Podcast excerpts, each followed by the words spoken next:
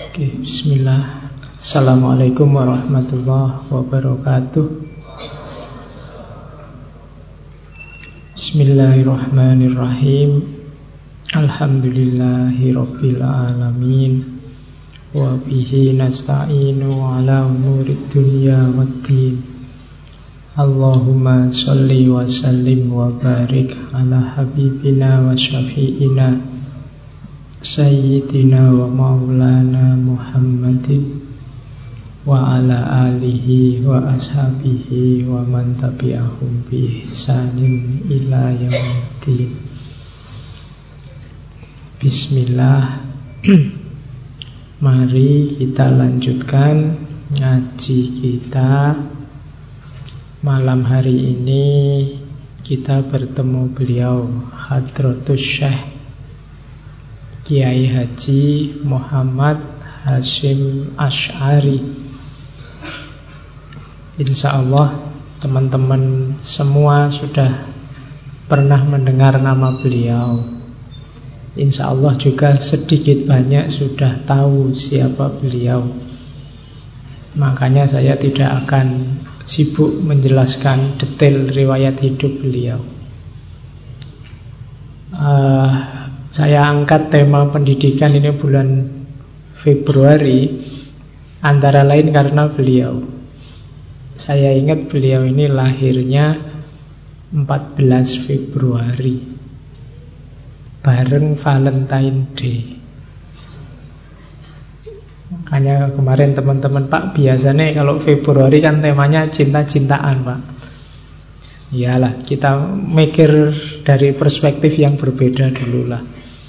Jadi biar kamu ngertinya tidak hanya bahwa Februari itu Valentine Day Tapi juga di situ ada hari kelahiran tokoh besar yang luar biasa. Seorang waliullah, seorang ulama yang jasanya sangat besar untuk negara kita. Maka sebenarnya beliau ini dulu pernah kita angkat juga Temanya juga tidak jauh dari pendidikan. Beberapa nanti kita bawa lagi malam ini Yaitu dari karya beliau Adabul Alim Wal Muta'alim Malam ini kita semacam nambahi materi-materi yang sudah kita kupas di sesi dulu. Kita juga pernah membahas putra beliau Kiai Haji Wahid Hashim. Oke Yang belum Cucu beliau Gus Dur. Yo kapan-kapan insya Allah uh, Kita mulai ya Ya kalau dari sisi Keturunan Beliau ini kalau diurut Nanti masih Satu Lini Keturunan dari Sultan Hadiwijoyo kemudian melalui Pangeran Benowo. Kalau ditarik ke atas nanti punya sambungan juga dengan Maulana Ishak Sunan Giri. Nanti di titik ini nanti ada hubungan dengan Kiai Ahmad Dahlan yang kita bahas minggu yang lalu. Jadi ini dua orang ini agak nyambung secara silsilah maupun secara guru seperti saya bilang minggu lalu mereka berdua ini kan sama-sama pernah berguru di Mekah ke Syekh Ahmad Khotib Minangkabawi. Dan akrab sampai tua meskipun sudah mendirikan Nahdlatul Ulama Kiai Dahlan mendirikan Muhammadiyah. Ada cerita satu ketika santrinya Kiai Dahlan ini Ingin nyantri juga di Tebuireng Namanya Basir. Nanti Kiai Basir ini punya anak namanya Ashar. Kita kenal sebagai Ashar Basir. Kiai Basir ini ketemu Kiai Hashim Kemudian cerita tentang gurunya bahwa guru saya itu loh punya beberapa program tapi kok yo banyak dibully orang kalau bahasa hari ini. Kan minggu lalu saya cerita bagaimana Misalnya Kiai Dahlan ingin meluruskan kiblat dan macam-macam terus penentangnya banyak. Kemudian Kiai Hasim tanya, gurumu namanya siapa? Namanya Dahlan. Oh, Kang Dahlan. Oh, kalau kalau itu Kang Dahlan ya kamu harus ikut sama gurumu. Karena dia ini kalau bahasanya Kiai Hasim orangnya dalan. Dalan itu ya lurus sudah jalannya. Harus kamu ikuti. Jadi meskipun sudah berpisah, punya organisasi yang berbeda, yang kadang-kadang kamu nganggapnya musuhan padahal tidak. Beliau masih saling menghormati, saling menghargai. Itu pelajaran-pelajaran dari sesepuh kita yang hari ini kadang-kadang mulai luntur. Saya tidak tahu rasanya kok ada persaingan antar ustadz di medsos, ada kompetisi di bidang dakwah, ada macam-macam fenomena hari ini. Butuh kearifan kita untuk menyikapi. Nanti di antara yang diprihatinkan oleh beliau kayak Hasim Asari pada zaman itu itu ketidakkompakan umat Islam. Oke, mari kita mulai langsung saja kita ke gagasan-gagasan beliau di ranah pendidikan. Ya pastinya yang terbayang di kepala kita kalau ngomong tentang Kiai Hashim di ranah pendidikan ya dengan pondok pesantrennya, dengan tebu irengnya yang sampai hari ini masih luar biasa. Bismillah ya, kita mulai. Ini kalimat untuk kalian dari Adabul Alim wal Muta'alim. Hendaklah segera mempergunakan masa muda dan umur untuk memperoleh ilmu tanpa terpedaya oleh rayuan menunda-nunda dan berangan-angan panjang. Sebab setiap detik yang terlewatkan dari umur tidak akan tergantikan. Jadi ini peringatan beliau pada kita yang masih muda. Kalau saya kan sudah tua. Kalian yang masih muda. Rambut saya sudah putih, kalau kalian kan belum. Yang masih muda prioritaskan ilmu. Karena bekalmu untuk jadi manusia yang berkualitas itu ilmu. Jadi kesibukanmu mungkin banyak. Sampai-sampai kamu kadang kuliah bolos, sampai mungkin kamu sibuk sekali. Tapi jangan lupa tetap ilmu ya yang jadi fokusmu, ilmunya. Mungkin kamu agak tergoda oleh rayuan nilai bagus, rayuan IP tinggi, rayuan apalah macam-macam beasiswa, rayuan boleh, tapi jangan prioritas. Prioritasnya tetap ilmu. Jadi fokusmu harus ilmu. Kalau di kalimat itu ada dua rayuan yang biasanya nempel pada anak muda Yaitu menunda-nunda dan berangan-angan panjang menunda-nunda itu kamu tahu sebenarnya ada aktivitas yang bermanfaat yang bisa kamu lakukan tapi kamu tunda. Boso Jawa ini semoyo nanti ah. Kamu ngerti sama dosennya ada tugas bikin makalah, alah nanti saja. Kamu baru beli buku bagus luar biasa, kamu puji-puji ini buku penting, ini buku bagus. Waktunya baca nanti sajalah. Nah, kamu selalu menunda-nunda untuk barang-barang ini. Kadang-kadang yang bagus-bagus teralihkan oleh yang tidak penting, tidak penting. Sudah madep laptop, rencananya nulis apa belajar, akhirnya malah chattingan, malah facebookan, download apa yang tidak jelas. Ah, kamu kebiasaanmu itu nanti pada akhirnya menyesal. Kemarin-kemarin harusnya makalahmu selesai padahal besok pagi presentasi, akhirnya malam ini pontang-panting. Terus besoknya masuk, mohon maaf pak, printernya error. Pokoknya yang jadi kami hitam printernya mesti. Atau kamu telat masuk alasannya anu bannya bocor. Saya tidak tahu alasan ban bocor itu sampai hari ini kok masih dipakai. Oke, jadi yang pertama itu menunda-nunda. Di antara musuh yang harus kamu kalahkan saat muda itu dirimu sendiri dan musuh paling besar itu menunda-nunda ini. Besok saja, nanti saja, ah waktuku masih banyak, umurku masih panjang, wong masih muda, senang-senang dululah dan seterusnya. Hati-hati dengan jebakan menunda-nunda. Yang kedua, berangan-angan panjang. Berangan-angan panjang itu kokean menghayal. Banyak kalau-kalau. Sehingga yang penting-penting terus terlewatkan. Seandainya ya. Nah itu. Seandainya saya ini nanti lulus cepet Kira-kira kerja apa enaknya Itu bolak-balik gitu aja Nih males sinau. Di mana bisa lulus cepet? Jadi Angan-angan. Jadi akhirnya apa? Tidak beraktivitas Tidak jadi belajar Karepnya banyak Tapi tidak ada satupun yang diwujudkan Ingin ini, ingin itu Dan seterusnya Jatuhnya hanya diingin. Kalau bahasa agama kadang pakai istilah lau-lau. Andai saja aku punya uang sebanyak itu. Andai saja aku punya pasangan secakep itu. Andai saja terus andai-andai.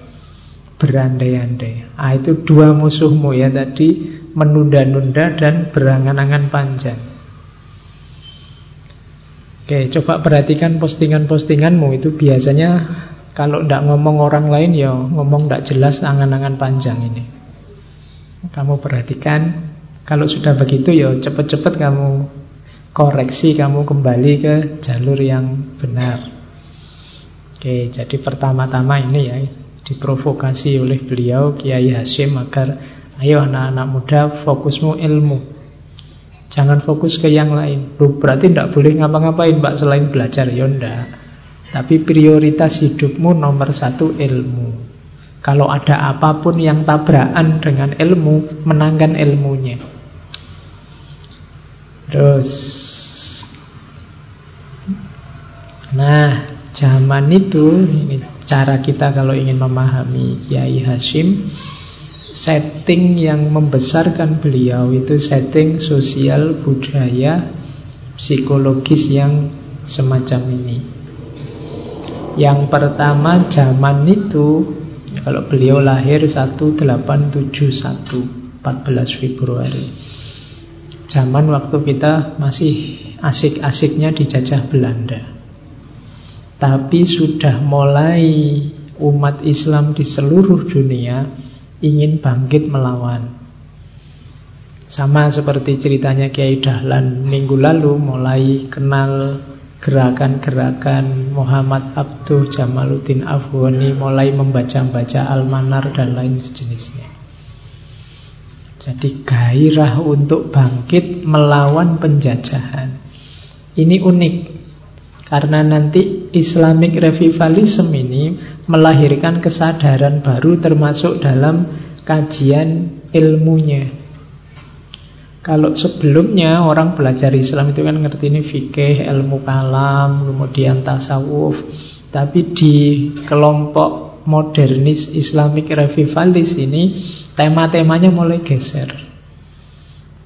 Tema-temanya pendidikan, tema-temanya anti penjajahan, pokoknya tema-tema kebangkitan sosial. Jadi kalau sebelumnya kan tema kajian Islam itu sebagian besar tentang langit. Bahas tentang Allah, akhirat, surga, neraka, pokoknya urusan langit. Urusan buminya jarang diperhatikan. Nah, mulai orang-orang modern nih karena kita sedang dijajah, mulai sadar bahwa kita butuh wacana-wacana yang membahas kehidupan konkret kita. Kemiskinan, keterjajahan, pendidikan yang kurang, dan macam-macam. Kalau dulu orang yang dibahas, apakah besok kita bisa melihat Allah? Terus gegeran. Ya tidak bisa, ada yang bilang, ya bisa. Melihatnya pakai apa? Ya pakai mata, tidak bisa dong. Mata itu melihatnya hanya yang fisik-fisik saja. Berarti kalau kita bisa lihat Allah pakai mata, melihatnya secara fisik, terus rame kegeran. Apakah besok kita dibangkitkan itu jasadnya apa rohnya? Kayak Imam Ghazali sama Ibnu Rus. Ya yang dibangkitkan ya dua-duanya. Ya ndak bisa, ya rohnya saja, ya ndak. Jasadnya juga. Loh jasadnya kan sudah hancur dimakan tanah. Loh nanti Allah memberi jasad yang baru.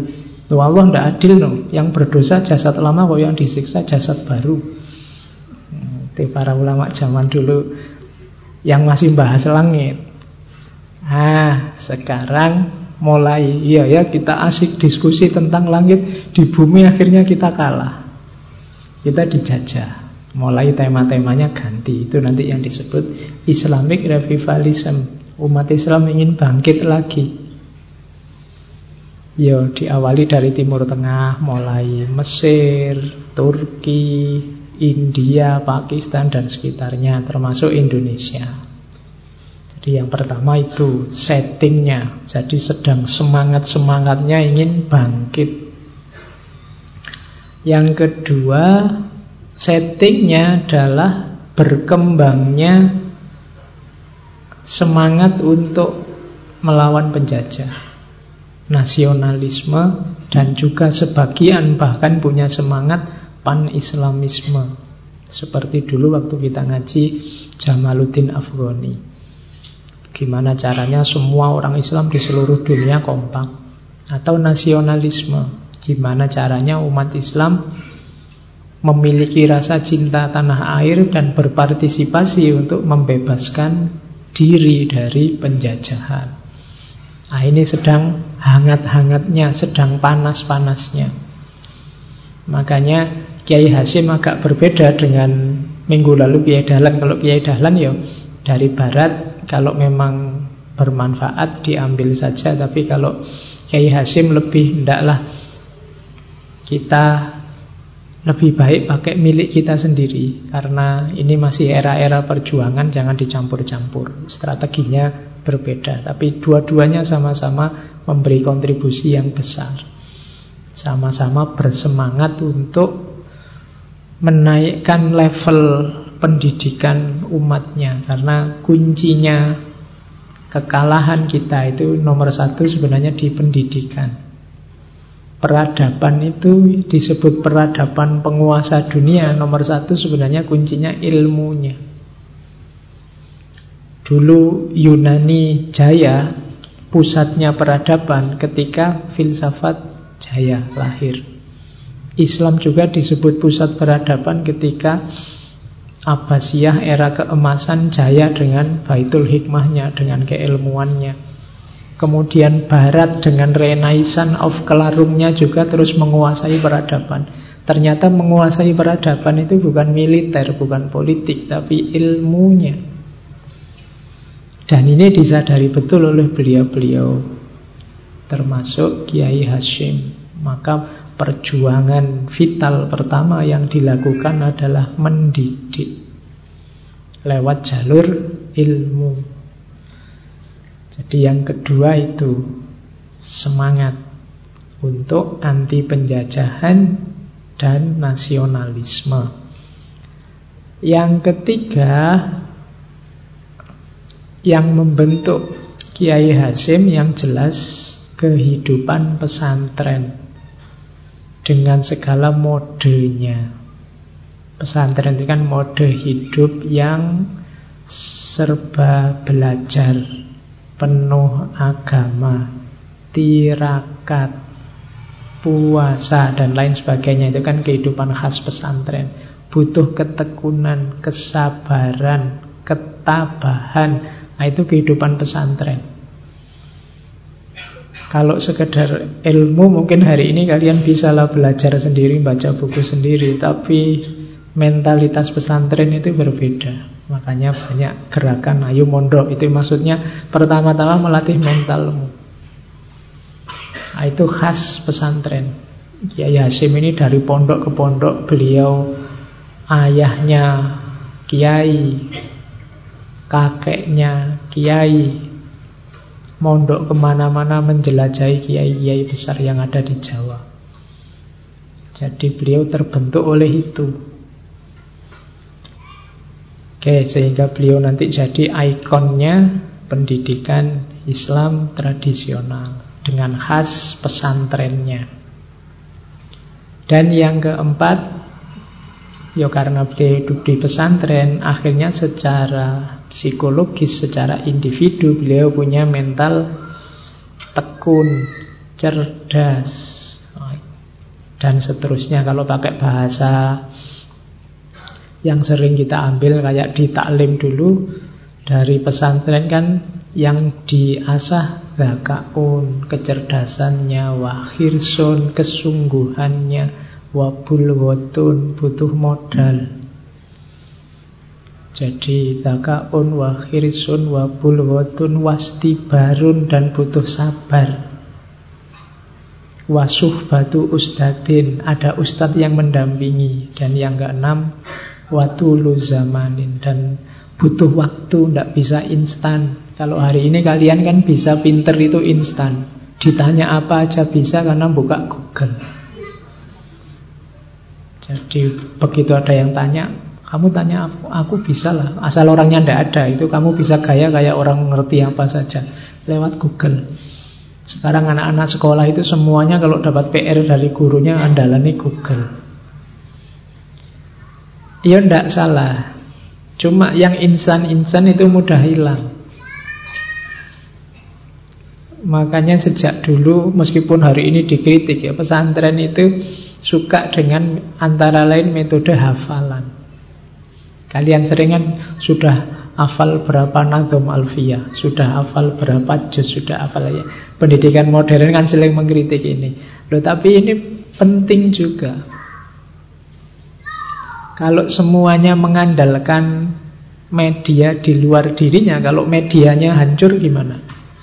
Kalau Google-nya error tiba-tiba, kamu yang dari Puwinter jadi bodoh dada.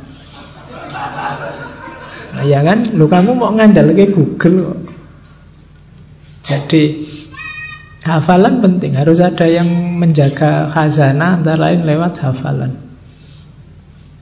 Imam Ghazali itu dulu terkenal rajin nyatet dari gurunya, dapat ilmu apa aja dicatat. Tapi suatu ketika beliau dapat nasihat dari seorang perampok. Sing nasihati malah perampok.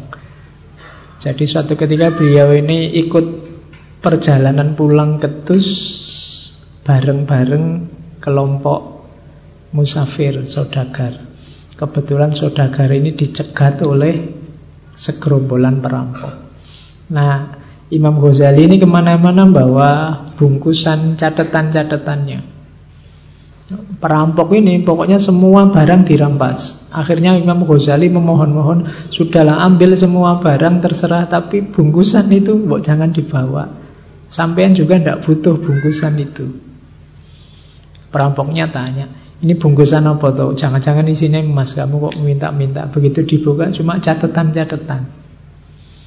Katanya barang kayak gini aja kok kamu mohon-mohon untuk dini. Iya, kalau bagi sampean itu tidak ada artinya, tapi bagi saya artinya luar biasa. Karena ilmu saya ada di situ semua. Terus katanya perampok mah, lo kalau ilmumu ada di sini semua berarti kamu sendiri tidak ada isinya, tidak ada ilmunya. Gitu kok ngaku orang berilmu. Oh itu sudah. Ya, jadi Akhirnya Imam Ghazali tersentuh mungkin lagi baper sensi jadi aduh perampok aja bisa nyindir aku sedalam itu. Mulai saat itu beliau ganti strategi untuk menghafalkan. Jadi, ya hafalan penting. Hafalan penting. Pak kan yang penting paham Pak. Iyalah.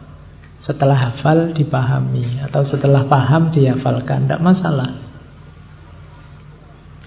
Orang yang hafal itu berarti dia mandiri, tidak butuh media di luar dirinya untuk belajar. Jadi keunggulannya itu, betapapun yang hafal lebih menang daripada yang membutuhkan media.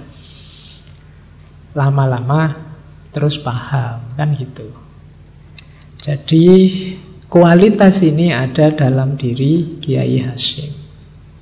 Dengan setting empat itu tadi, lahirlah tokoh besar Kiai Haji Muhammad Hashim Ash'ari dengan inovasi-inovasinya di bidang pendidikan. Terus Ah, kalau ini inovasi-inovasi di pesantren beliau. Yang pertama, mirip kayak Kiai Dahlan kemarin, menginisiasi model madrasah. Kalau sebelumnya kan ngaji di pondok itu ya ilmu agama saja, tidak ada ilmu umumnya. Tapi nanti ilmu umum diperkenalkan. Ya persis kayak madrasah hari ini yang kalian kenal itu. Jadi itu diperkenalkan di pesantren Tebuireng zaman itu. Termasuk nulis yang pakai huruf Latin, belajar bahasa Belanda dan lain sebagainya. Bahkan yang populer zaman itu atas usulan dari putra beliau, Kiai Wahid Hashim mendirikan madrasah namanya madrasah nizomiyah. Madrasah nizomiyah ini kurikulumnya malah 70% pengetahuan umum. Jadi 30 persennya baru pengetahuan agama. Nah, ini jadi memperkenalkan metode belajar yang modern. Meskipun tetap tidak meninggalkan agamanya. Dan nanti atas pengaruh Kiai Wahid juga nanti yo ada perpustakaan, langganan majalah-majalah itu ada disebut ada Panji Islam, Islam bergerak, Dewan Islam dan seterusnya. Itu loncatan yang luar biasa. Karena kan masih ada pesantren yang baca koran tidak boleh. Radio tidak boleh, TV tidak boleh untuk menjaga konsentrasi santrinya agar fokus pada ilmu agamanya. Nah, tapi mungkin santri yang lain itu punya bakat yang berbeda. Ini kalau tidak difasilitasi eman-eman bakatnya, maka di pesantren Tebuireng itu ya umum ya diajarkan di madrasah nizomiyah itu referensi-referensi seperti majalah juga disiapkan. Jadi ini ya kalau hari ini rasanya biasa lah Pak gitu aja. Sekarang malah kita tidak baca koran lagi. Koran eman-eman sekarang. Kamu kan korannya sudah digital semua. Tidak ada lagi orang baca koran. Zaman dulu orang baca koran itu ya kelihatan elit. Atau kalau kelompok tertentu itu dianggap buang-buang waktu. Kayak hari ini, kamu kok HP-nan terus toh. Nah, dulu juga gitu, kamu kok baca koran terus toh. Kok yo belajar kan dulu. Ah, tapi itulah peradaban. Zamannya menuntut kita berakselerasi. Harus ada inovasi-inovasi. Dan ternyata simbah-simbah kita, kiai-kiai kita dulu ya tidak seperti bayangan kita terus anti kemajuan. Mereka juga mau menerima kemajuan kalau itu jelas manfaatnya. Jadi mereka filternya lebih canggih. Jadi ini dari sisi pendidikan, inovasi-inovasi ini sudah dilakukan. Zaman Kiai Hashim di pondok pesantren Tebuireng. Beliau ini ya hidupnya sejak pagi sampai malam ya isinya mengajar. Sesuai keahlian beliau. Beliau ini terkenalnya ilmu hadis. Nanti terkenal ngaji Bukhari di pesantren beliau. Oke, sekarang kita lihat dari sisi konsepnya, urgensinya pendidikan. Jadi pendidikan itu menurut Kiai Hasim penting. Urgen itu kan penting. Pentingnya di mana? Yang pertama mempertahankan predikat manusia sebagai makhluk paling mulia. Jadi manusia itu sebagai makhluk paling mulia karena ilmunya. Bukan karena akalnya Pak, enggak. Karena ilmunya. Ilmu itu kan hasil dari akal ketika sudah didaya gunakan. Kalau hanya punya akal saja, semua orang punya akal. Kalau tidak digunakan ya sama saja. Maka manusia itu tinggi martabatnya karena ilmu. Kalau ceritanya Nabi Adam dulu kan Nabi Adam sebelum turun ke bumi oleh Allah wa allama adamal asma'akullaha diajari ilmu-ilmu. Yang ini yang membuat malaikat tidak berdaya di hadapan Adam. Satu ketika Allah menguji tanya pada malaikat, malaikat tidak tahu. Ini aklamu malat taklam. Jadi aku tidak tahu kalau tidak engkau ajarkan ya Allah dan yang diajari Adam. Jadi kita ini manusia mulia karena ilmu dan ilmu itu adanya lewat pendidikan. Maka tidak boleh orang menganggap remeh pendidikan. Dunia paling penting dalam peradaban manusia itu dunia pendidikan. Di situlah manusia bertahan dalam status kemanusiaannya, level kemahlukan yang paling mulia. Jadi pendidikan jadinya paling penting. Kalau kemarin kita punya tesis bahwa jadilah kita manusia yang manusia. Manusia yang manusia itu ketemunya di dunia pendidikan. Kalau kita tidak lewat jalur pendidikan, kita tidak ketemu ilmu. Kalau kita tidak ketemu ilmu, ya kemuliaan kita sebagai manusia dipertanyakan. Beda dengan yang bukan manusia kayak binatang itu kan tidak butuh ilmu dia main insting. Binatang itu ya langsung bisa apa-apa langsung bisa sesuai standarnya dia. Ayam itu begitu lahir sudah bisa lari-lari dia. Tidak pakai belajar jalan tidak pakai ngerangkak dulu tidak pakai. Dia sudah ada paketnya beda sama manusia. Manusia itu panjang masa belajarnya. Dia tidak dari lahir sampai bisa utuh lahir batinnya itu butuh waktu panjang dan untuk menumbuhkan itu butuh namanya pendidikan.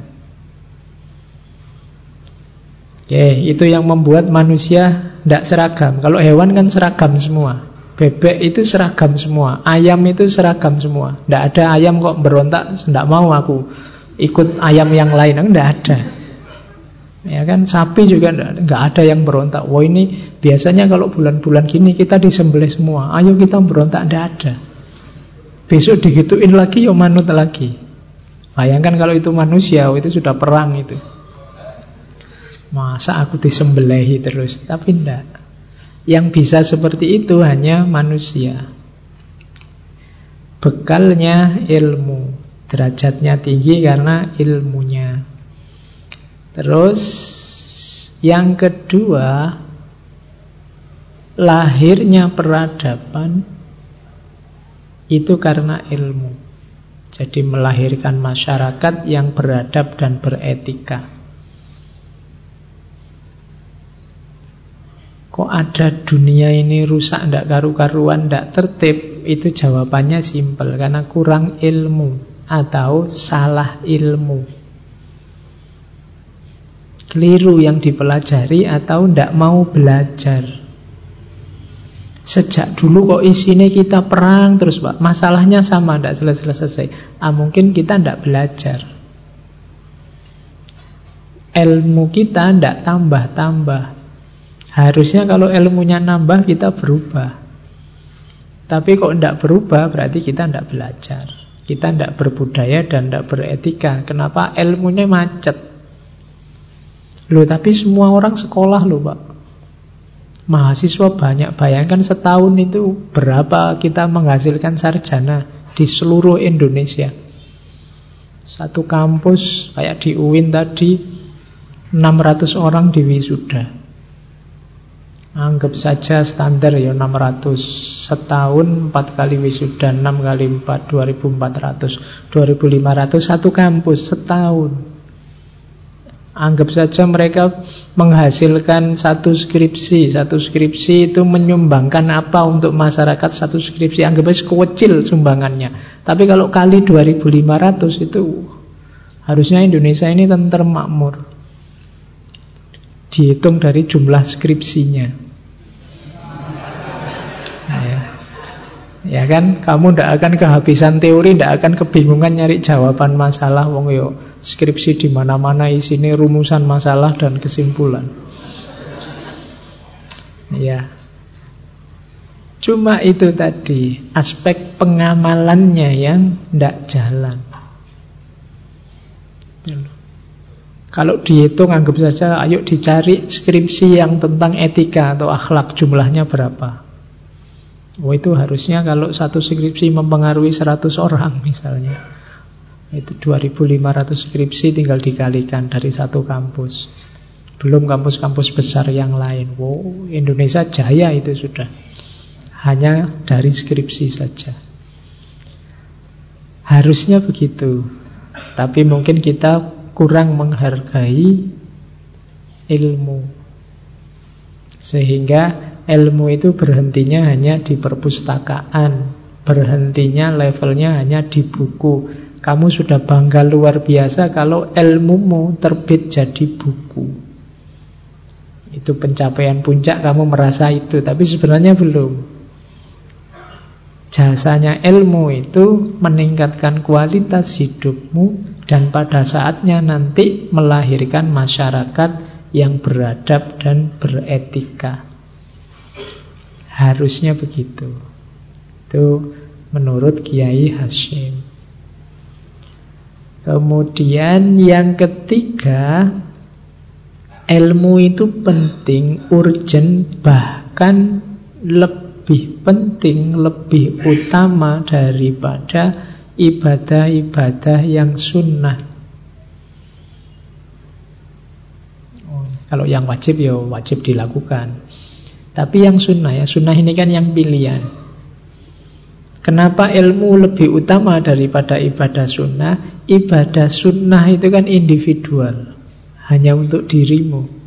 Tapi kalau ilmu itu manfaatnya tidak cuma untuk pemiliknya, tapi juga untuk masyarakatnya. Makanya membaca buku, belajar itu dianggap lebih utama daripada hanya ibadah sunnah saja. Misalnya kalau kamu malam mau tahajud yo, kalau ada waktu jangan cuma tahajud. Ada belajarnya. Kalau pakai bahasa agama ada tafakurnya, berpikir itu kan belajar. Karena berpikir itu keutamaan. Biar dirimu manfaat tidak hanya untuk dirimu, tapi juga manfaat untuk masyarakatmu. Jadi setiap kali kita belajar cari ilmu, ayo diniati selain mencari ridhonya Allah, yo meningkatkan kualitas hidup kita dan kualitas masyarakat kita. Di situ nanti akan lahir peradaban yang mulia dan beretika basisnya ilmu. Saya bilang tadi peradaban jaya itu ketika basis keilmuannya jaya. Bukan politiknya dan bukan ekonominya. Ekonomi politik itu pendukungnya. Harusnya begitu. Oke, jadi pendidikan itu urgent. Terus tujuannya sekarang. Ini teori-teori pendidikan dari beliau Pendidikan Islam itu tujuannya yang pertama adalah khairul bariyah. Khairul bariyah itu menciptakan manusia yang paling baik. Versi dirimu yang terbaik bisa lahir ya tetap lewat jalur pendidikan. Jadi kalau kamu ingin optimal, saya ingin eksis jadi diriku Pak. Bahasamu tiap hari kan itu. Jalur paling utama apa? Pendidikan. Kalau saya ngomong pendidikan, bayanganmu jangan hanya sekolah dan kuliah ya. Semacam-macam. Pendidikan itu semua aspek hidupmu bisa jadi jalannya pendidikan. Kamu nongkrong di angkringan itu bisa pendidikan di situ ilmu bisa masuk lewat obrolanmu asal obrolannya manfaat mutu. Bukan obrolan yang aneh-aneh.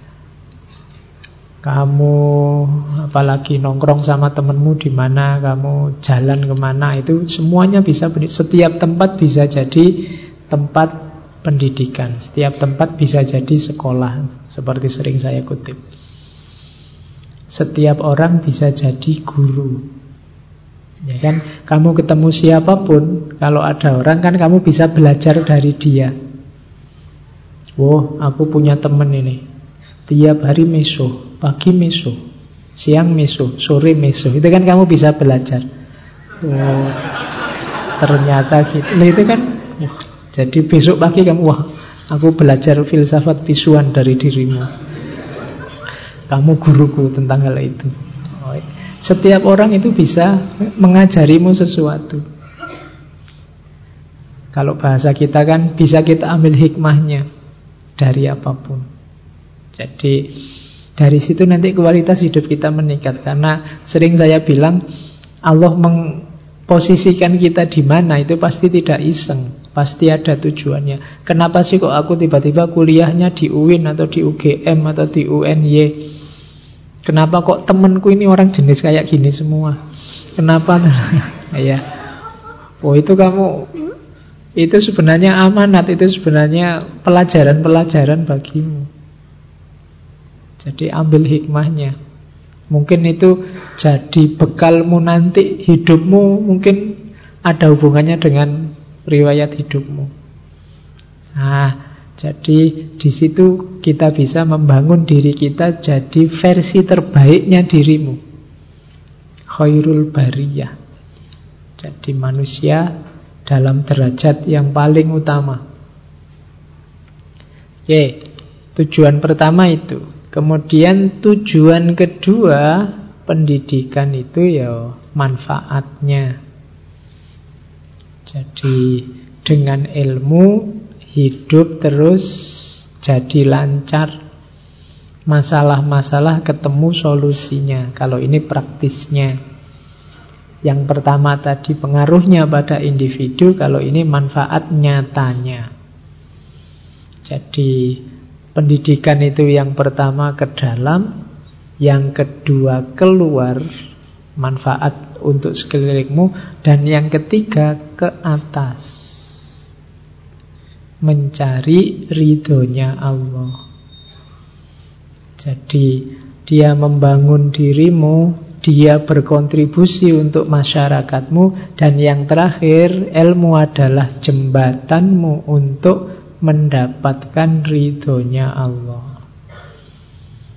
Di antara jalan hidup yang dicintai Allah adalah jalan para pencari ilmu. Kemarin waktu kita cerita tentang Imam Ghazali dengan ilmu laduninya, cerita Al-Jarnuzi dengan taklim muta'alimnya, kan banyak urian-urian tentang keutamaan ilmu. Nanti di Adabul Alim wal Muta'alim dulu kan juga ada keutamaan ilmu. Bahwa ilmu adalah jalan yang paling mungkin untuk kita mendapat ridho dari Allah. Allah itu senang luar biasa kalau kita menempuh jalan ini. Malaikat disuruh membentangkan sayapnya melindungi kita. Ikan-ikan di laut mendoakan kita. Kalau pakai kalimatnya Imam Ghazali.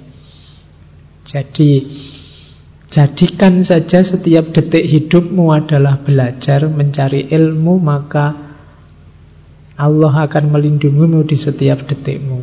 Sehingga Mencari ilmu itu tidak ada selesainya. Terus niati saja belajar Belajar. Nawa itu cari ilmu. Kamu lagi nonton TV Ini juga cari ilmu. Kamu lagi buka HP Ini juga cari ilmu. Bismillah. Robi Sidni Ilma kan gitu. Kalau sudah niat Dengan nama Allah kan nggak mungkin kamu nonton film yang aneh-aneh Nggak mungkin kamu nonton Mosok rek mau bismillah kok nonton kayak gini ndak jadi ah kan gitu. Sama temenmu misalnya nawa itu yuk kita saling belajar kan nggak mungkin terus melakukan yang jelek-jelek yang aneh-aneh. Jadi niati saja setiap detik hidupmu mencari ilmu lillahi ta'ala. Nah, Allah akan ridho. Kalau Allah ridho hidupmu lancar Allah yang ngatur skenario hidupmu Di versi terbaiknya. Tidak usah khawatir.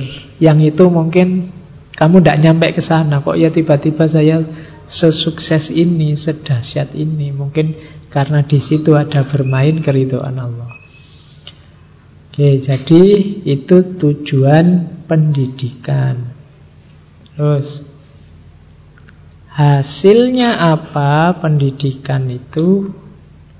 Yaitu tadi karena kita dengan ilmu potensi kita berkembang, kita jadi khairul bariyah, maka ilmu menghasilkan manusia yang berkembang semua potensinya, jasmaninya, rohaninya, dunia dan akhiratnya.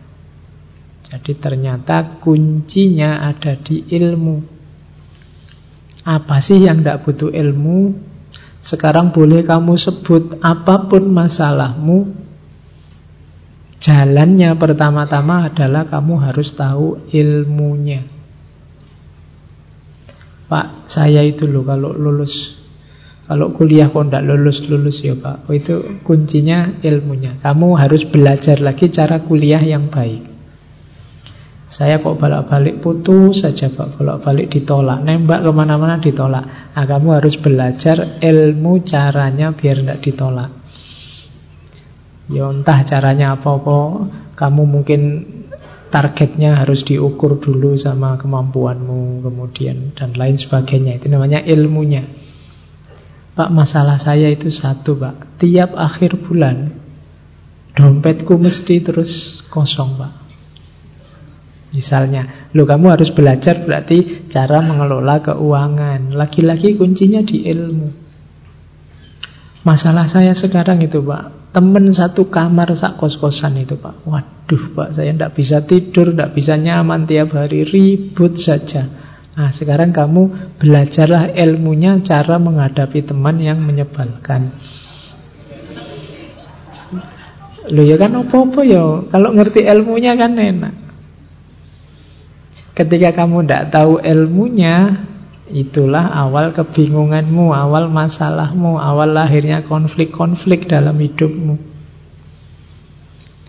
Segalanya ada ilmunya. Di situlah nanti potensi hidup kita akan muncul semua. Kalau kamu ngerti teorinya, ngerti ilmunya. Kan teori-teori pendidikan hari ini menyebut orang bodoh itu tidak ada. Anak bodoh itu tidak ada yang ada orang males. Males kenapa? Males mengembangkan potensinya. Kalau kamu mau, kamu bisa kok. Kamu mampu kok. Hanya kamu tidak mau saja. Atau tidak mau tahu. Saya ini orang desa, Pak, bisa apa, Pak? Kamu minder dewe ya, mandek kamu di situ. Saya tidak bisa pak. Kayak Kalau gitu-gitu itu saya tidak bisa Tidak bidang saya pak. Loh, Kalau kamu ingin minat ya jalani saja Belajar, cari ilmunya. Nanti bisa. Jadi Ilmu nanti jadi kuncinya Kesuksesan hidupmu. Terus yang kedua Kalau ini hasil sesuai analisisnya Kiai Hasim zaman itu Dengan ilmu negara kita, bangsa kita akan bisa hidup mandiri, bermartabat. Karena negara yang menguasai ilmu, menguasai sains, menguasai teknologi, dia mandiri. Kalau tidak menguasai, kan minta tolong orang lain, negara lain. Kalau minta tolong orang lain, negara lain, ya kita tergantung sama mereka. Kita sumber daya luar biasa, melimpah-limpah. Migas kita luar biasa. Tapi tidak ada yang tahu ilmunya, cara ngolahnya gimana. Akhirnya terus diekspor. Masih mentah. Nunggu mateng dulu, mateng baru kita impor balik ke sini. Terus jadinya mahal. Ya salah dewi, tidak ada yang menguasai ilmunya. Jadi dengan ilmu bangsa kita akan mandiri. Tapi kalau tidak, ya kita akan tergantung. Jangan lupa orang yang tergantung itu dia akan dijajah dalam tanda petik oleh tempat dia bergantung.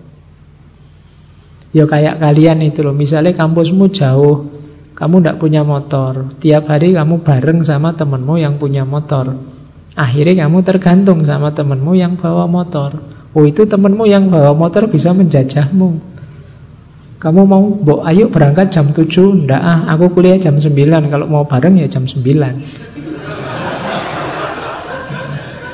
Oh, itu kamu kalah Sudah kamu dijajah Tiba-tiba belok ke warung terus makan. Kamu bayarin ya? Loh kok aku yang bayarin? Mau diantar enggak? Oh yes.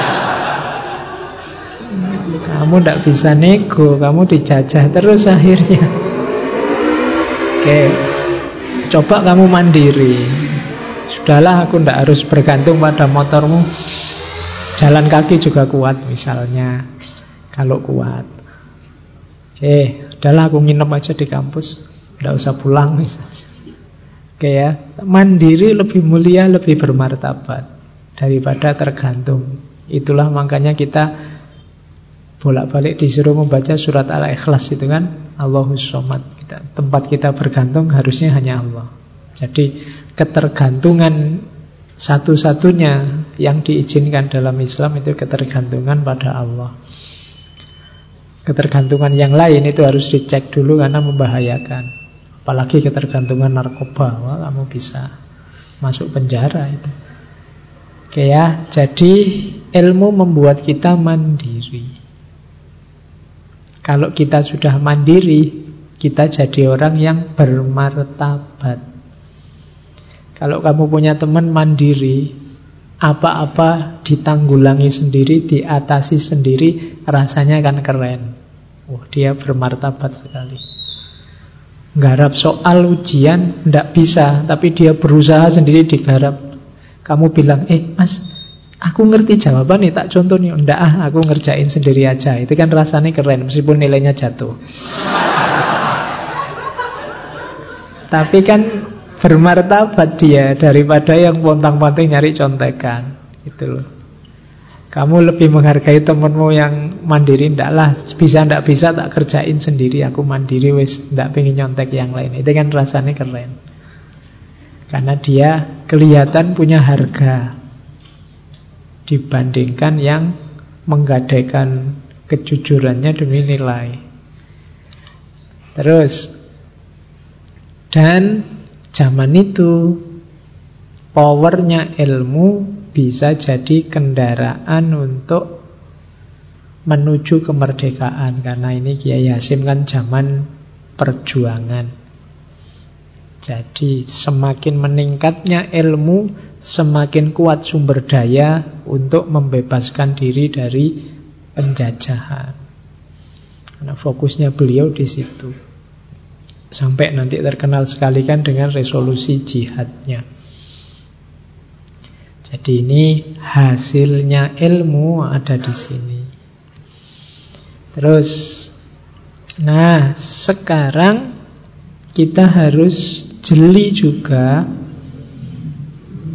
perhatikan ilmu juga ada karakter-karakternya.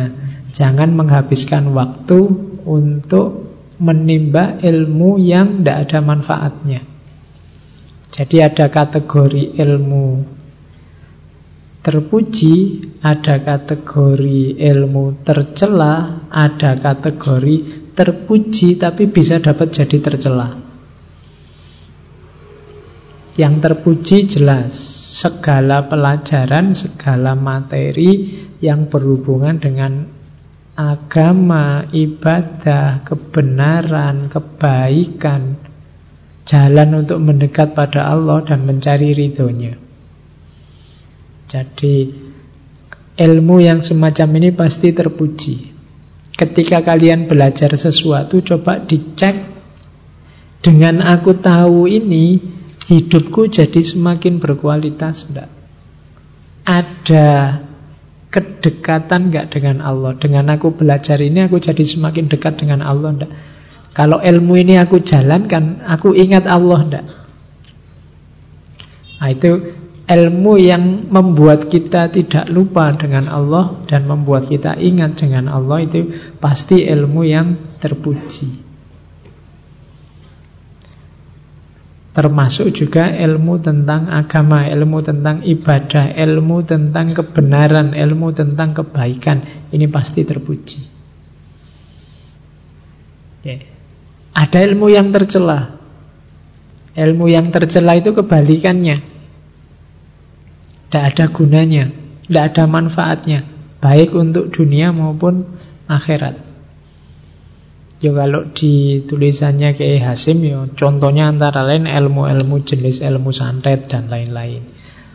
Ya, tapi sebenarnya semua yang tidak ada gunanya dunia akhirat ya tidak perlu kita capek-capek belajar. Carilah ilmu yang ada manfaatnya dunia maupun akhirat. Paling tidak akhirat. Kalau tidak ada manfaatnya sama sekali, kemungkinan ilmu itu tercela. Ada juga sebenarnya ilmu ini terpuji, tapi ketika salah dosis atau overdosis jadi tercela. Misalnya seperti filsafat ini, kalau salah dosis, terus pikiranmu jadi kacau, tidak karu-karuan, terus harusnya konstruktif malah destruktif, harusnya membantu malah merusak. Nah, itu jenis ilmu yang terpuji, tapi terus jadi tercela.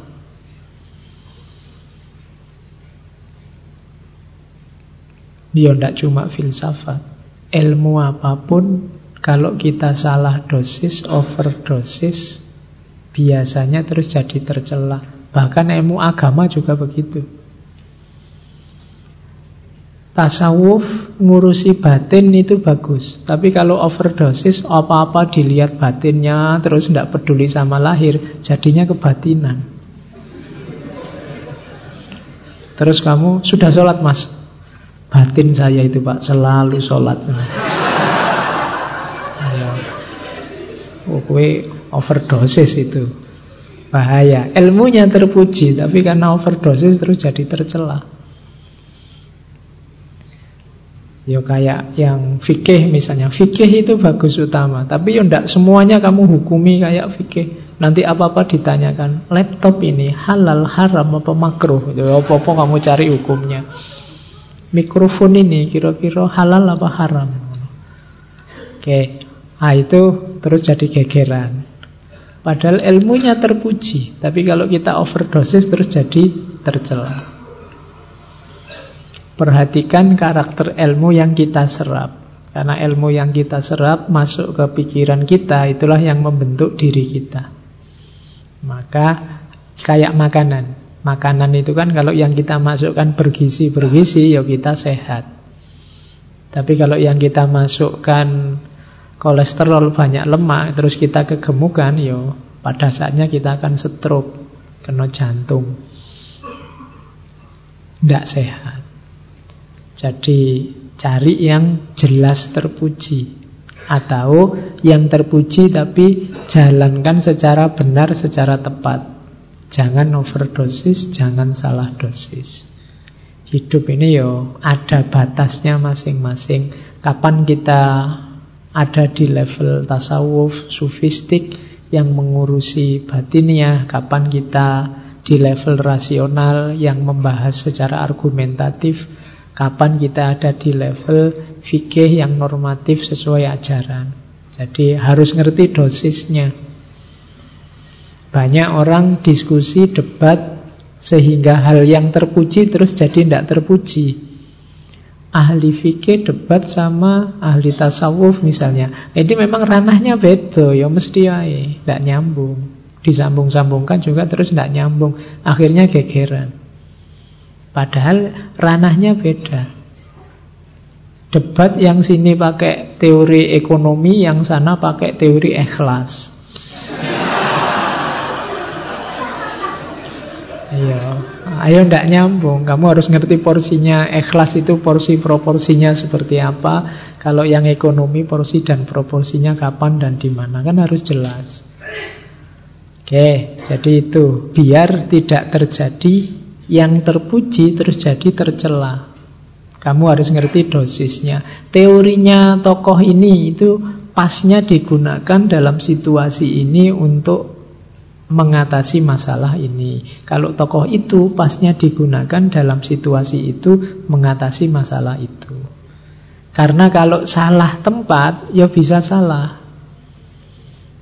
Ilmu yang semula terpuji bisa jadi tercela. Jadi perhatikan ya, penggunaan ilmu juga kamu harus tahu ilmunya.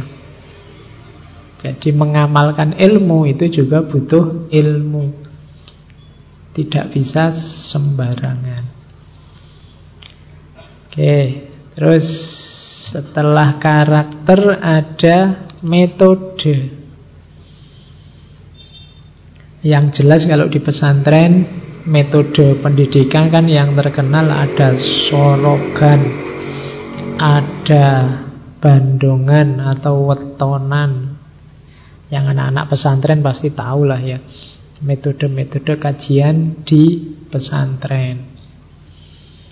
Oke, katanya Kiai Hashim, bagi ustadz-ustadz sampaikan pelajaran dengan cara yang mudah dicerna dan lafat yang fasih agar mudah difahami. Jadi kalau besok kamu jadi guru, usahakan tidak memberi masalah pada murid-muridmu, tapi memberi kefahaman. Memberi masalah itu begitu kamu kasih pelajaran di kelas dia bingung, terus pulang tambah bingung, terus tanya bapaknya, bapak E ikut bingung, ibu E melu bingung. Jadi gara-gara kamu sak jero bingung gak akhirnya. Oke ya, jadi sampaikan pelajaran dengan mudah, to the point, gampang difahami. Apalagi pada murid-murid yang baik, yang akhlaknya baik, rajin, kemauannya keras, senang menghafal. Ini kan muridnya sudah baik. Jangan sampai murid yang bibit yang baik ini kamu nggarapnya keliru. Dia ini calon orang besar gara-gara Salah kita ngajarnya Ndak jadi Macet Dia ndak jadi tumbuh Karena kita yang mangkas Kita salah Ngasih pupuknya. Dia ndak jadi tumbuh. Mungkin karena waktu belajar tiap hari kita arahkan ke yang bukan bakatnya atau kita marahi tiap hari atau kita bodoh-bodohkan dia sehingga dia tidak ngerti kalau dia pinter sehingga dia tidak tahu bakatnya apa. Akhirnya bibit unggulnya mati. Jadi tanggung jawabnya guru luar biasa. Jangan sampai bibit-bibit unggul ini yang akhlaknya baik yang rajin berkemauan keras akhirnya hilang kita tidak jadi punya SDM berkualitas kenapa salah kelola jadi hati-hati. Nah, jadi metode penting. Belajarlah cara mengajar yang enak, yang mudah dicerna, mudah difahami. Di Tebu Ireng zaman itu Kiai Hasim untuk santri-santri senior mengembangkan metode musyawarah. Musyawarah itu diskusi. Untuk yang sudah hampir matang ilmunya santri-santri senior. Itu diajak musyawarah, bukan debat ya. Kalau debat itu kan cari menang. Kalau musyawarah cari kebenaran. Kalau debat itu targetnya musuhnya kalah. Tapi kalau musyawarah itu mencari kebenaran bersama. Dan itu jadi salah satu metode yang diterapkan di sana untuk santri-santri senior. Kalian juga boleh mengembangkan tradisi musyawarah ini. Karena kalau kita melakukan musyawarah, itu melatih jiwa kita yang pertama terbuka. Terbuka pada pandangan orang lain yang mungkin berbeda dengan kita. Terus toleran, menghargai pendapat orang lain. Fokus pada kebenaran bukan kemenangan, itu musyawarah. Jadi sering-sering kalian diskusi karena biasanya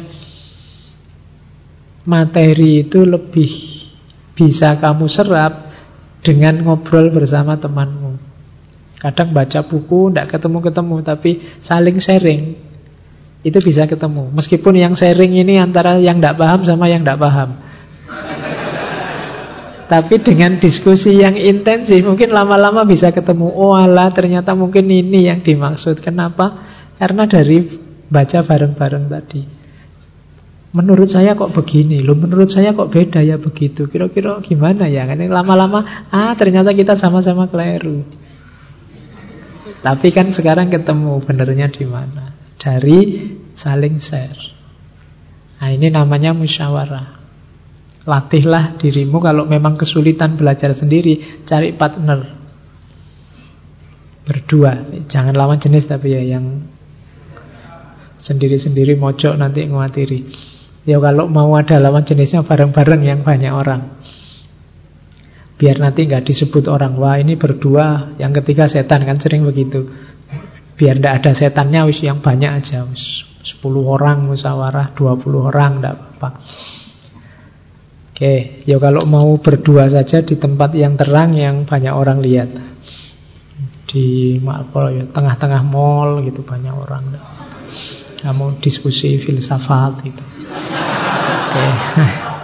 ya. Biar aja yang lain mikir belanja-belanja kita diskusi filsafat. Terus Oke, prasyaratnya sekarang. Orang cari ilmu itu perhatikan prasyaratnya. Yang pertama gurunya, eh yang pertama peserta didiknya, muridnya. Perhatikan ya yang prasyarat utama iman dan tauhid itu pasti. Di adabul alim muta'alim begitu. Prasyarat selanjutnya peserta didik niatnya harus yang pertama ilmu saja, menuntut ilmu. Jangan ada target di luar itu, apalagi yang duniawi. Apalagi yang melecehkan atau menyepelekan ilmunya. Alah pak, paham tidak paham tidak masalah. Yang penting saya dikasih A aja sudah syukur loh pak. Nah, itu ilmu ini buat sepelekan. Jadi niatlah targetmu hanya ilmu. Bukan yang lain-lain. Saya ingin ijazah pak, saya ingin IP tinggi pak, saya ingin tidak. Itu pasti kamu dapat kalau fokusmu sejak awal hanya ilmunya. Jadi peserta didik syaratnya ini. Kalau guru syaratnya adalah niatnya tidak untuk materi, tidak untuk dunia. Jadi niatnya adalah menyampaikan ilmu.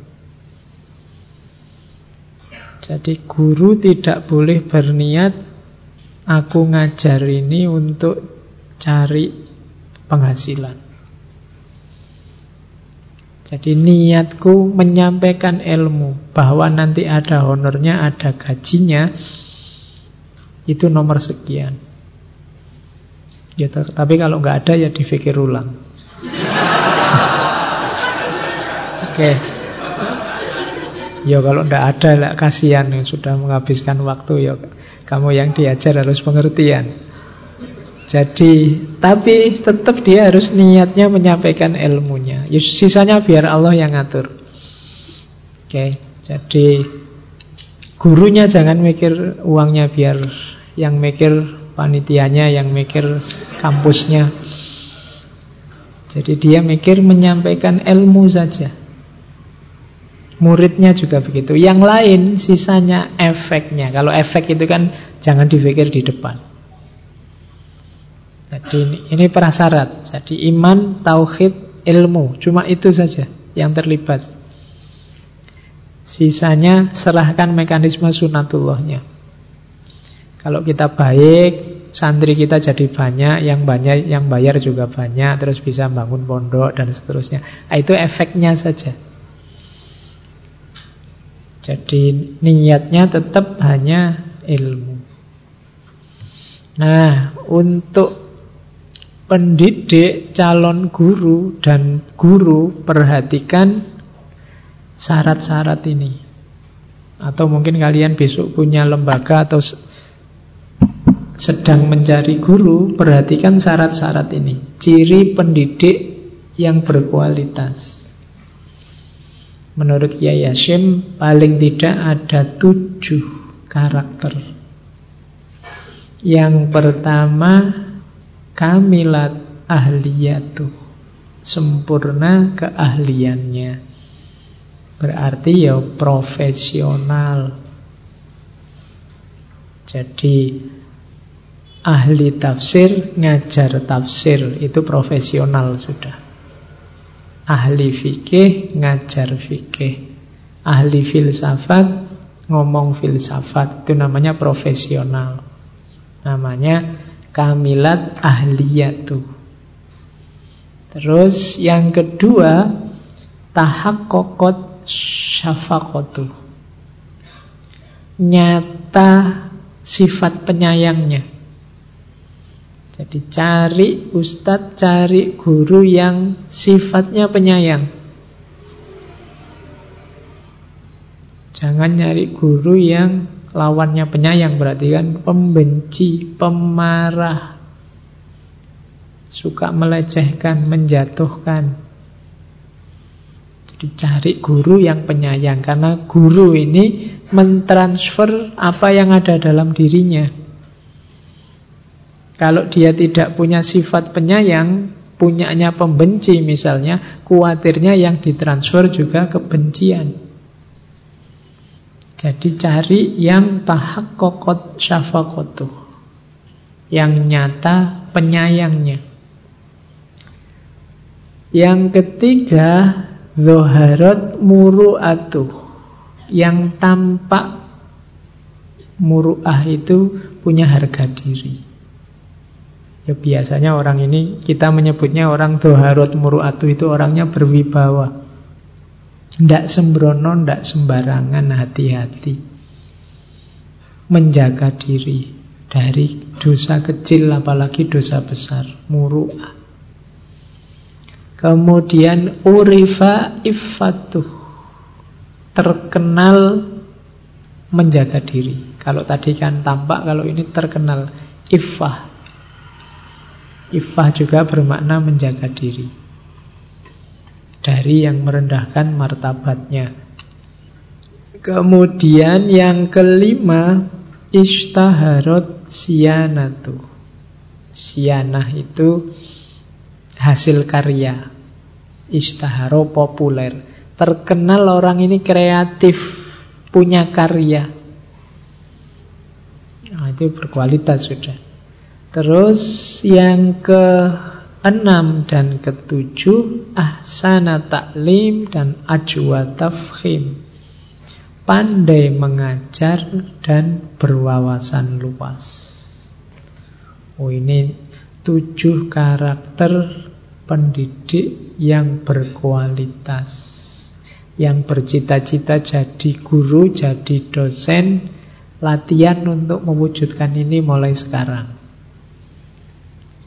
Kalian yang sedang mencari guru juga cari guru yang punya tujuh karakter ini untuk mengoptimalkan dirimu sebagai manusia.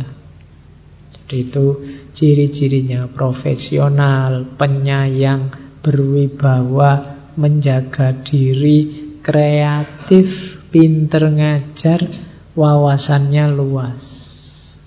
Nah, kalau ada orang kayak gini, jadikan guru.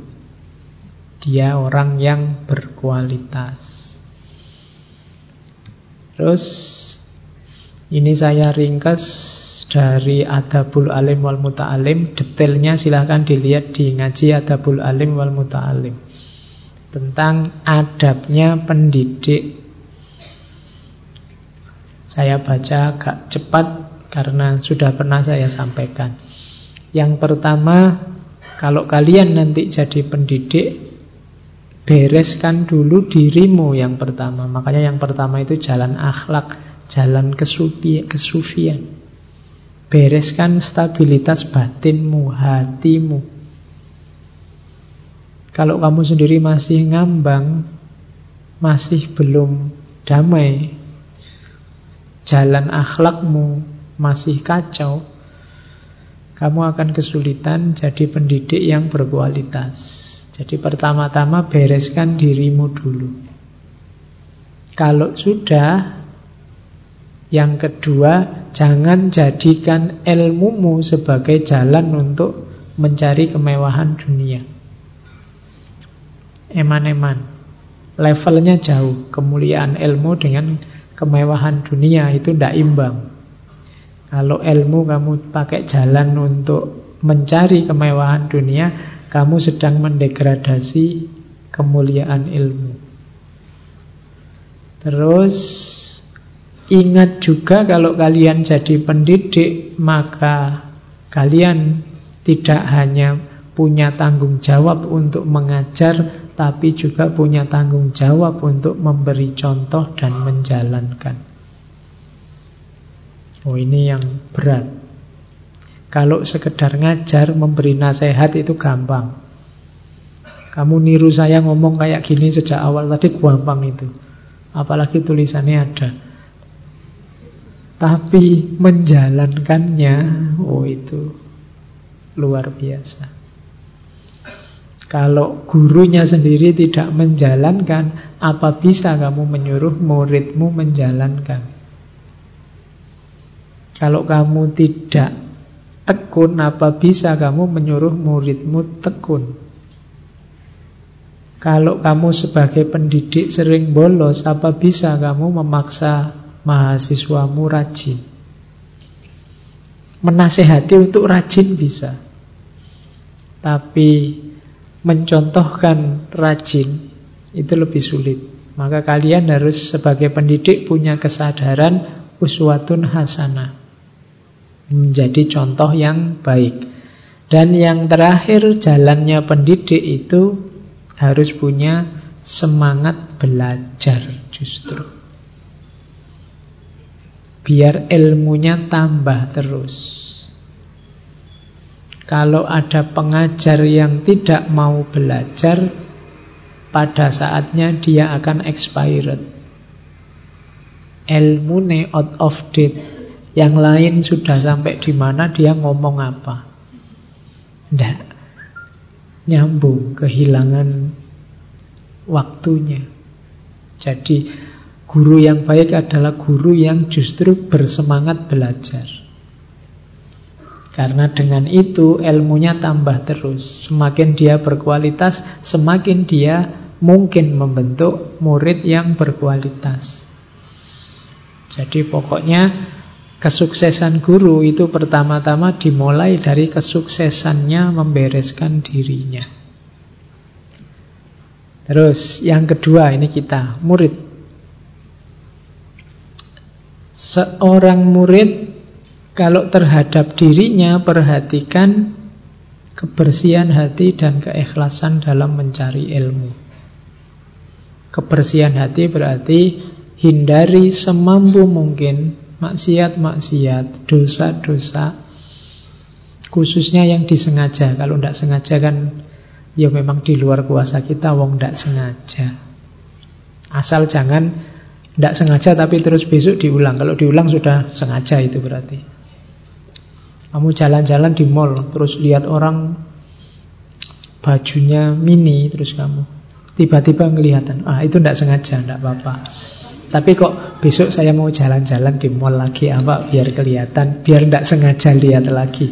Itu sengaja sudah. Loh tapi kan nggak sengaja Pak, wong orangnya lewat. Iya itu sengaja wong kamu niat jalan-jalan biar kelihatan. Jadi bereskan dirimu juga. Bersihkan hatimu. Terus ikhlaskan niatmu untuk menuntut ilmu.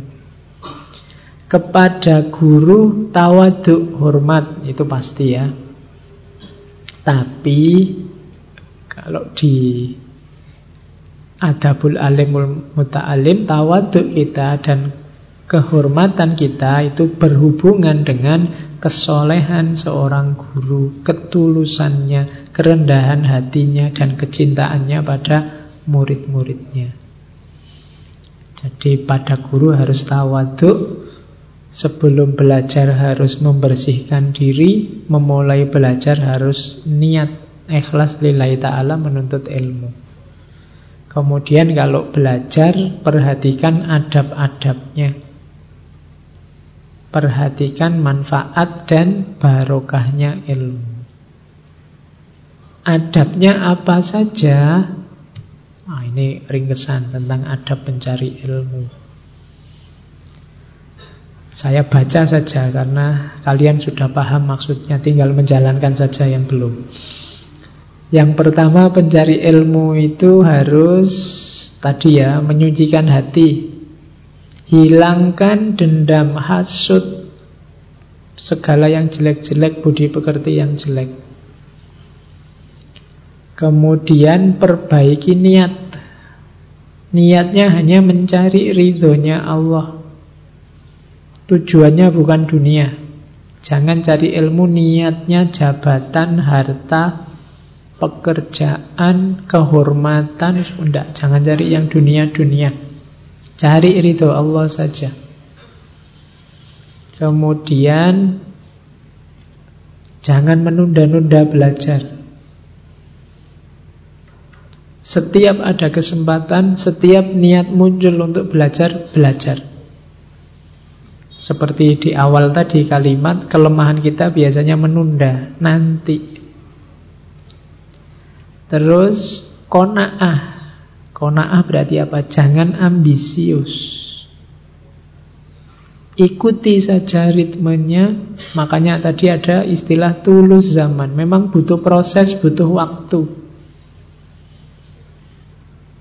Baru punya satu buku filsafat terus pingin pokoknya saya menguasai semuanya bulan ini udah iso. Pelan-pelan ada prosesnya. Belajar apa pun ada prosesnya. Jadi tidak bisa instan. Hari ini kan setiap orang pinginnya instan. Kamu baru belajar tasawuf kemarin, minggu depan pengen jadi wali. Iya. Tidak iso. Ada prosesnya. Jangan ambisius. Nanti mudah overdosis tadi. Ya. Oke, terus perhatikan waktu.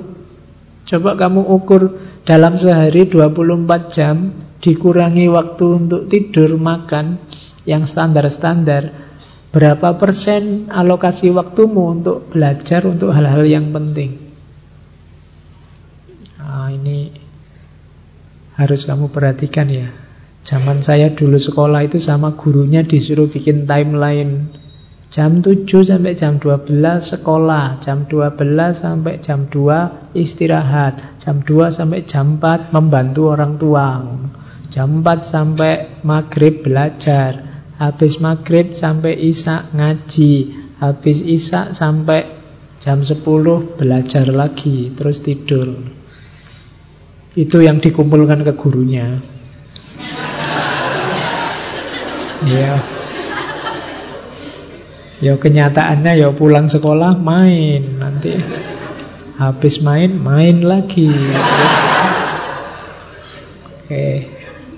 Ya dulu. Kalau sekarang Tidak ada bedanya. Terus Selanjutnya ini Petunjuk dari Kiai Hasim. Tolong makan dan minumnya dipersedikit Ini kalau bahasa kita kemarin tirakat Maksudnya apa? Sudahlah, fokusmu pada makan dan minum jangan keterlaluan lagi. Kita kadang-kadang mikir nyari warung makan di mana aja bisa berjam-jam itu. Makan enaknya di mana ya? Di sini apa di sana dan seterusnya. Itu menunjukkan uangmu masih banyak. Kalau uangnya sedikit mesti kamu tidak mikir aneh-aneh ya kuatnya angkringan ya ngangkring. Tapi Jangan habiskan waktumu hanya untuk makan minum. Syukur-syukur kamu bisa Sekali dua kali puasa. Jadi mempersedikit itu bukan berarti kamu tidak mampu, tapi memang sengaja kamu tirakat. Melatih jiwamu untuk tidak begitu saja memenuhi hasrat dan nafsu. Jadi dikurangi sedikit-sedikit makannya. Nah, kalau makan minum puasa lahir, ada juga wirai. Kalau wirai ini puasa batin menjaga diri dari jangan-jangan ini tidak boleh, jangan-jangan ini merusak, jangan-jangan ini dosa, jangan-jangan ini maksiat. Kamu batasi benar dirimu itu namanya wirai. Terus selain makan dan minum ada juga himbauan untuk jangan terlalu banyak tidur. Ya. Jadi jangan tidur terlalu sore. Kalau kalian sih kemungkinan tidurnya malam, tapi bangunnya siang. Sama saja terlalu banyak tidur Jangan terlalu banyak tidur Tidur sesuai dosisnya saja Dikurangi sedikit-sedikit tidak apa-apa Karena tubuh kita itu kadang-kadang Tergantung dengan yang kita biasakan Kalau kita biasakan sehari tidur 10 jam ya Dia jadi manja pingin 10 jam terus Tapi kalau kita biasakan 6-7 jam Ya dia cukup dengan 6-7 jam Terus yang terakhir, yang terakhir ini mungkin agak berat bagi kalian. Tidak tenggelam dalam pergaulan, apalagi bergaul dengan lawan jenis. Nah, ini karena ini sering menggoda, ini apalagi lawan jenis ya. Semoga tidak ada yang bilang Pak, saya malah sama sama jenis Pak tergoda. ya, iya tambah nguatiri lagi itu. Ya, intinya jangan sampai pergaulanmu dengan teman-temanmu, dengan sahabat-sahabatmu jadi penghalang bagimu untuk mencari ilmu. Waktunya habis hanya untuk bergurau, waktunya habis hanya untuk kegiatan iseng bareng-bareng. Eman-eman. Jadi manfaatkan waktu sebaik mungkin. Syukur-syukur pergaulanmu mendukung aktivitasmu mencari ilmu. Saling diskusi, saling nambah materi, saling memperkaya wawasan. Itu berarti pergaulan yang menunjang. Oke, terus Nah ini dikutip juga oleh Kiai Hasim sering saya sampaikan hadis riwayat Tirmidzi dan Ibnu Majah. Ini kalau ada yang tanya Pak sejak tadi kok teori kapan dalile kan Ini saya bawakan hadis. Jadi Kala Rasulullah mantolabal ilma liyujadila bihil ulama wa yumariya bihi sufaha wa yasrifa bihi wujuhan nas ilaihi adkholahun nar. Barang siapa mencari ilmu untuk mendebat para ulama Jadi niatnya cari ilmu itu untuk membantah orang pinter siapa yang kamu tidak setuju Wayu Maria bihis sufaha untuk membodohi orang-orang bodoh, minteri orang-orang bodoh. Nah, mentang-mentang kamu lebih pinter, temanmu tidak ngerti apa-apa, terus kamu pinteri dia. Kamu tipu dia dengan kepinteranmu. Itu wayu Maria bihis sufaha. Atau wayasrifa bihi wujuhan nas ilaihi atau memalingkan wajah manusia padanya. Maksudnya apa? Mencari popularitas saja. Mencari biar kamu terkenal, biar kamu dipuji orang. Jadi kalau niatnya cari ilmu tadi untuk berdebat, untuk membodohi, minteri orang lain, dan untuk nyari terkenal, nyari popularitas biar viral, Kalimat terakhirnya adkholahun nar. Ilmumu akan jadi jalanmu masuk neraka. Allah akan membawamu ke neraka karena kamu sudah menyalahgunakan ilmu. Karena ilmu gunanya tidak untuk itu. Jadi para pencari ilmu harus hati-hati. Terus, nah ini ada quotes. Kalau ini tentang kesungguhan beliau, Kiai Hashim. Jadi ada cerita suatu ketika Kiai Hashim ini didatangi oleh Belanda. Kiai Hashim ini pernah juga masuk penjara zaman Jepang. Tapi satu ketika ini, kalau ini masih zaman Belanda, beliau karena Belanda melihat pengaruhnya beliau yang luar biasa.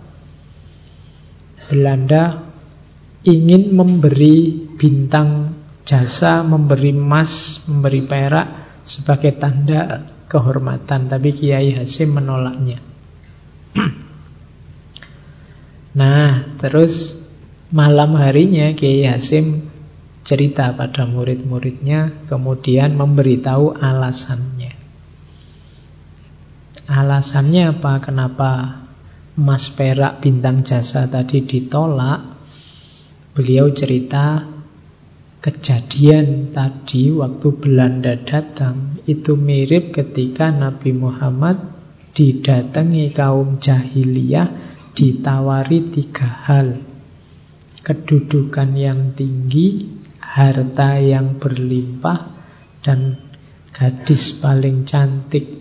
Tapi Rasulullah menolak dengan kalimat Demi Allah jika mereka kuasa meletakkan matahari di tangan kananku Dan bulan di tangan kiriku Dengan tujuan agar aku berhenti berjuang Aku tidak akan mau menerimanya Meski nyawa taruhannya Jadi belajar mencari ilmu juga sejenis jihad sejenis berjuang. Jangan tertipu oleh tawaran-tawaran duniawi, apakah itu harta, jabatan, gelar, pangkat, pacar. Itu kan gadis cantik, ya pacar. Misalnya gadis paling cakep di kelasmu bilang Tipe idealku adalah cowok cerdas yang IP-nya 3,5 ke atas. Oh, terus kamu belajar biar IP-mu tinggi. Ah itu niatnya dunia berarti. Jadi jangan tertipu oleh itu. Sudahlah fokusmu ilmu saja. Analoginya seperti ketika beliau diberi hadiah oleh Belanda ketika Rasulullah ditawari oleh kafir Quraisy Meskipun bulan diletakkan di tangan eh, matahari di tangan kanan, bulan di tangan kiri, aku tetap tidak akan berhenti berjuang. Kalian juga harusnya begitu. Halangan apa pun, jangan jadi alasan untuk berhenti mencari ilmu. Berhenti kuliah mungkin saja, tapi berhenti mencari ilmu jangan. Berhenti sekolah bisa jadi, tapi jangan berhenti belajar. Karena ini kewajiban kita sebagai seorang muslim. Terus sekarang kita lihat quotes-quotes ya. Ini bagi orang yang berilmu tolong jangan fokus pada perbedaan pendapat. Jangan jadikan perbedaan pendapat sebagai sebab perpecahan dan permusuhan. Karena yang demikian itu merupakan kejahatan besar yang bisa meruntuhkan bangunan masyarakat dan menutup pintu kebaikan di penjuru mana saja. Hati-hati sekarang zaman medsos, zaman apa pun kelihatan sehingga sangat terasa hari ini siapa yang pendapatnya berbeda dengan kita. Kalau kita hari ini tidak mampu mengelola perbedaan, maka yang terjadi adalah perbedaan itu akan jadi sumber perpecahan dan permusuhan. Dan ini adalah bencana yang besar untuk masyarakat kita. Jadi kalau kalian punya ambisi perbedaan itu lenyap, tidak akan mungkin. Karena pasti setiap orang punya pandangan yang beda-beda. Kok dulu tidak terasa Pak? Dulu tidak ada medsos, tidak ada internet, tidak ada media-media online yang sekarang kamu miliki. Jadi sebenarnya sudah beda-beda tapi belum terlalu terasa. Tapi sekarang sangat terasa. Maka nasihat pesan dari Kiai Hasim ini perlu kita perhatikan hati-hati mengelola perbedaan karena karena kalau hanya melahirkan permusuhan dan perpecahan maka itulah awal kehancuran masyarakat kita. Oke, terus Nah, antara lain apa yang menghasilkan permusuhan itu seperti orang berdakwah dengan cara memusuhi. Kalian bisa mencari contoh banyak sekali hari ini berdakwah dengan model konfrontasi, menyerang yang lain yang berbeda. Katanya Kiai Hashim, itu ibarat orang membangun kota tetapi merobohkan istananya. Maksudnya apa? Membangun kota merobohkan istananya itu kita kehilangan pokoknya. Kota itu kan berdiri karena adanya pemerintahan, adanya istana. Tapi kita membangun kota dengan merobohkan istana itu sama saja bunuh diri. Oke, jadi dakwah dengan cara memusuhi harus kita kritisi. Kalau ini saya tidak tahu sindiran atau tidak buat kita. Bahwasanya Al-Quran dan Al-Hadis adalah pedoman dan rujukan bagi muslimin.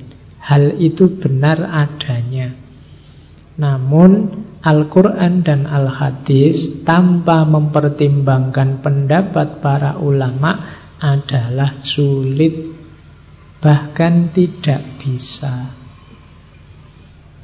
Jadi ini seperti menyindir kita, mbok yo kita itu tahu diri. Iya sih kita umat Islam merujuk Al-Quran dan hadis.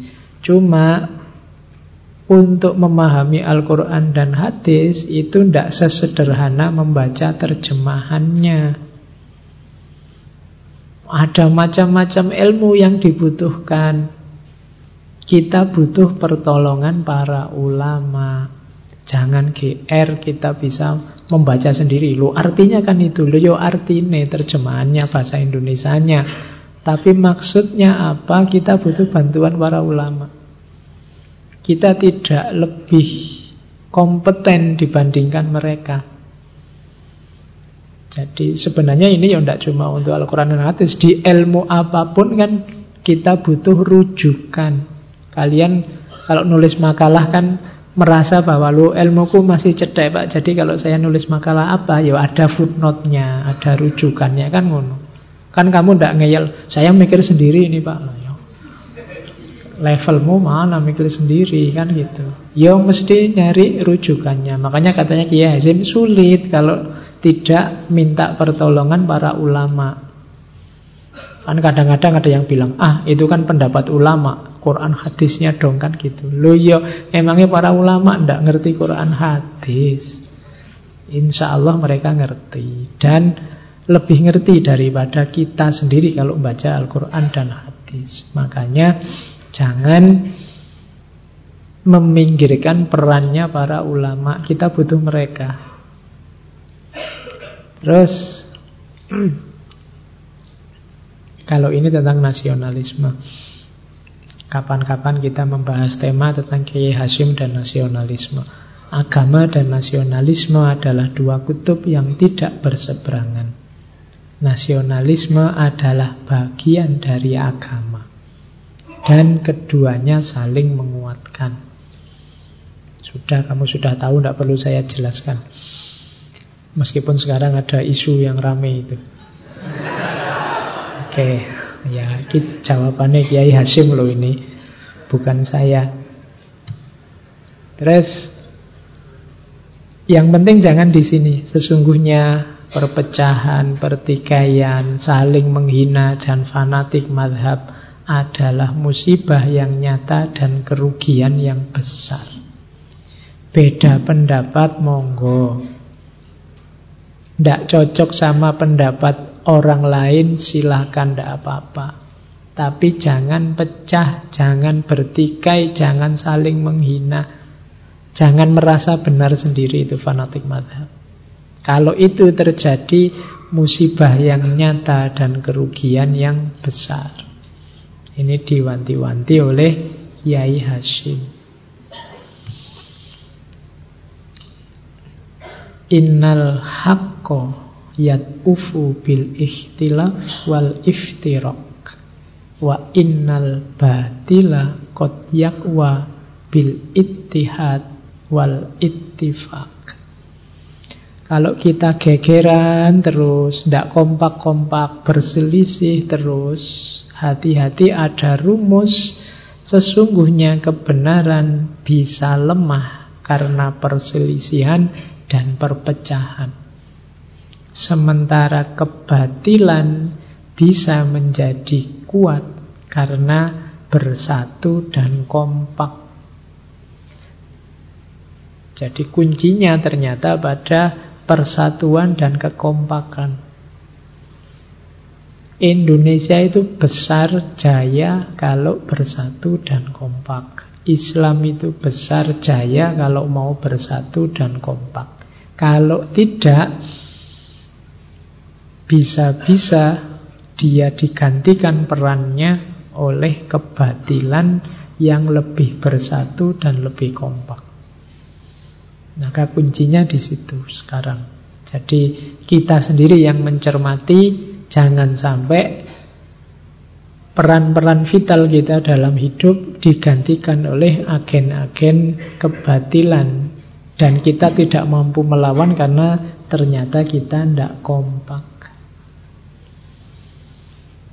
Apa masih ada? Oh ini ada beberapa petikan dari tulisan beliau Al-Mawa'il. Waqala Rasulullah la tahasadu wa la tabawadu wa la tadabaru wa kunu ibadallahi ikhwana. Jangan saling hasud, jangan saling marah, saling bertengkar, saling membenci, jangan saling membelakangi dan jadilah hamba Allah yang saling berteman. Itu disyarah oleh Kiai Hasim wahum yatahasadun wa yatabaghadun wa yatanaqasun wa yakunu na'ada. Sementara mereka berarti termasuk kita Rasulullah sudah pesan semacam itu tapi hari ini kita saling hasut, saling benci, saling debat dan saling bermusuhan. Jadi ini peringatan juga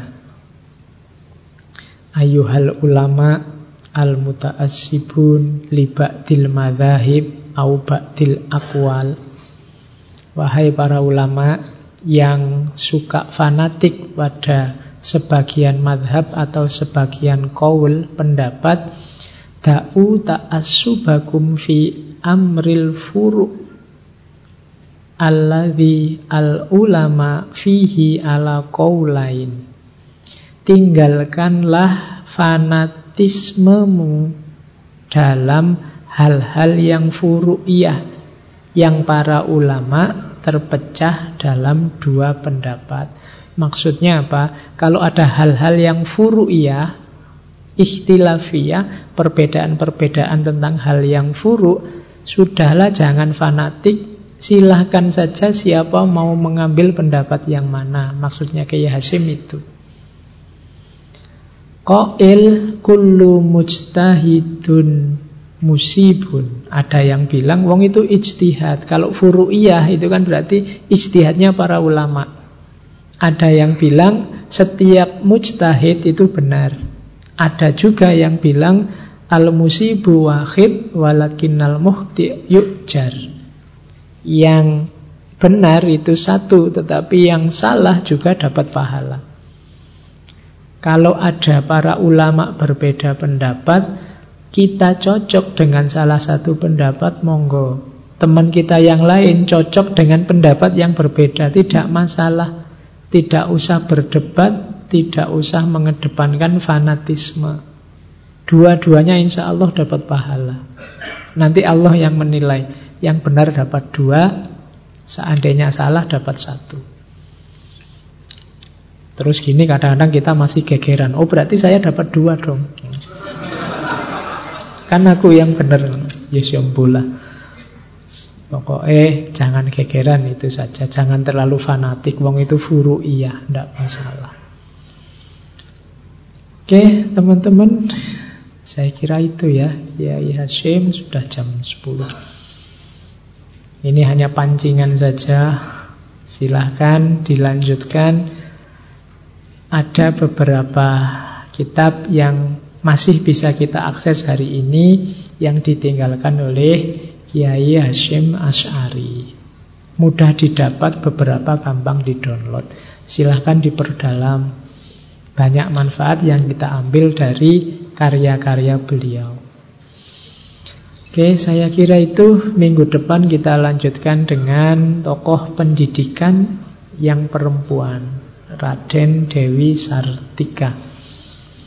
Kurang lebihnya mohon maaf. Wallahul muwafiq. Wallahu a'lam bisawab. Wassalamualaikum warahmatullahi wabarakatuh.